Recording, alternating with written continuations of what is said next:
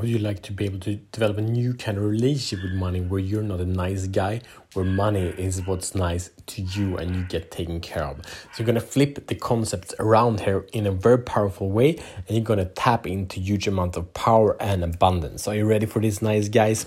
So welcome to Show the Fuck Up Minute. This is the podcast that is here to free you from the prison of playing small and help you to unleash your inner greatness, your inner power. We do this in the four areas that create a meaningful life, and that is purpose, passion, power, and profit. So we speak about money. And last week was Money Week, so if you want more money, go back and check all the episodes out there. They were epic. But now, um, the the issue here with money, we have a few. And that's one in, in relation with money, and also one in the relationship to earning money, being career business, entrepreneurship, investments, and so on. So, the number one issue we've been talking a lot about this week is that nice guys do not connect to their own power. They're acting, rea- we are being reactive to everything around them, trying to solve everything out there, but not being present in here, pointing to my chest, my heart.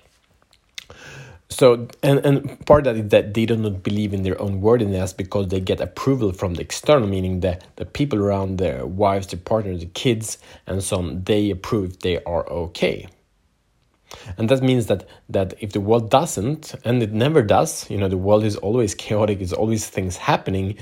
And if that would not be the case everything is perfect you would be bored very very, very quickly because you wouldn't have done anything to solve. So that means that uh, it is not the world is perfect and you're not worthy.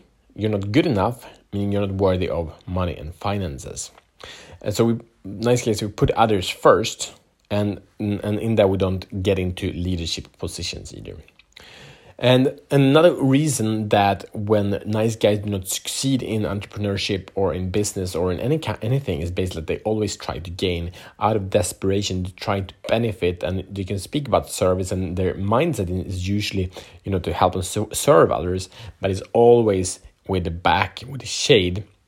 It is to gain, and they can actually do anything about to do that.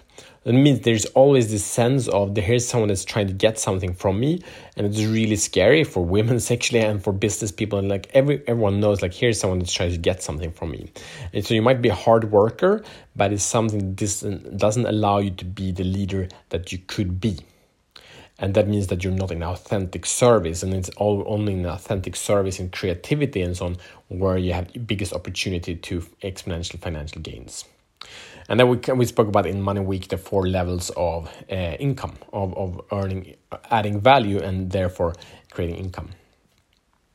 Yes. So in the end, uh, life phase comes from place of desperation and scarcity. Uh, because of the unhandled wounds, internal inner wounds come from a place of scarcity. It's like, oh shit, you need to help me to, to approve of me, and when everything is good, I can be worthy.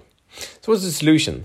Uh, again, it's always the nice case solution is to respond, not react. Meaning, who are you? Where are you at? What are your skills? What are your strengths? What, what, what do you want to create? From where you are now, what you decide to create?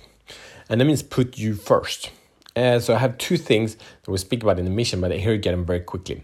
Uh, number one is that you know create your own personal plan for your money. So if you don't manage money, money manages you. Meaning most people are actually victims of their money. I, I bet you can relate to that.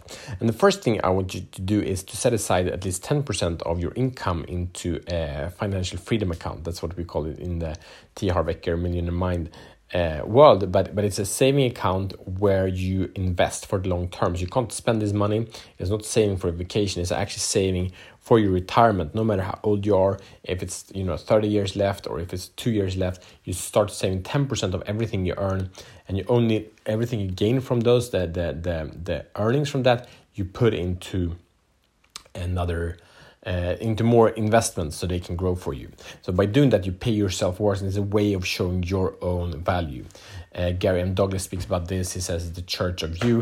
A lot of people have, you know, they pay ten percent to the church.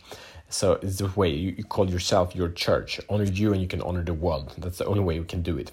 Number two, here is a very powerful way is to create a play account. The play account is money you need to burn you need to have fun because nice guys they don't have fun. They serve others take care of others and take care of themselves. So by creating a play account you have a new relationship with money. This has been super powerful for me. Like oh my god is is is like whatever if it's 10% 5% but you have to decide a number and you need to put in as soon as you get paid and then you put your, your play account and you spend that money. Within a month you have fun. It might be just a coffee and it's fine but it's you know this is a play coffee. This is, this is a really tasty coffee. It's not a business coffee. You know you make it delicious okay? Uh, or it might be a holiday. It might be in a diamond i don't know. You can only do something that's extraordinary and fun. And the more extraordinary the better. So here's your mission should you choose to accept it. Um, listen to last week's eight money episodes that's for sure do that. And take those actions. Number two create the play and the freedom account those those actions. And then number three have someone else uh, buy you dinner. Uh, again it's a way of practicing worthiness. So that is it for today's nice guy episode. And as you know there's a planner for you. If you want to track if you want to start taking ownership of your life and live a life beyond compromise go down download the planner. It's a plan that allows you to live a life of purpose, passion, power, and profit. And it's super powerful. So get it downloaded. It's a link in the show notes. And uh, it's time to, to take life to the next level. All right. See you tomorrow as better men.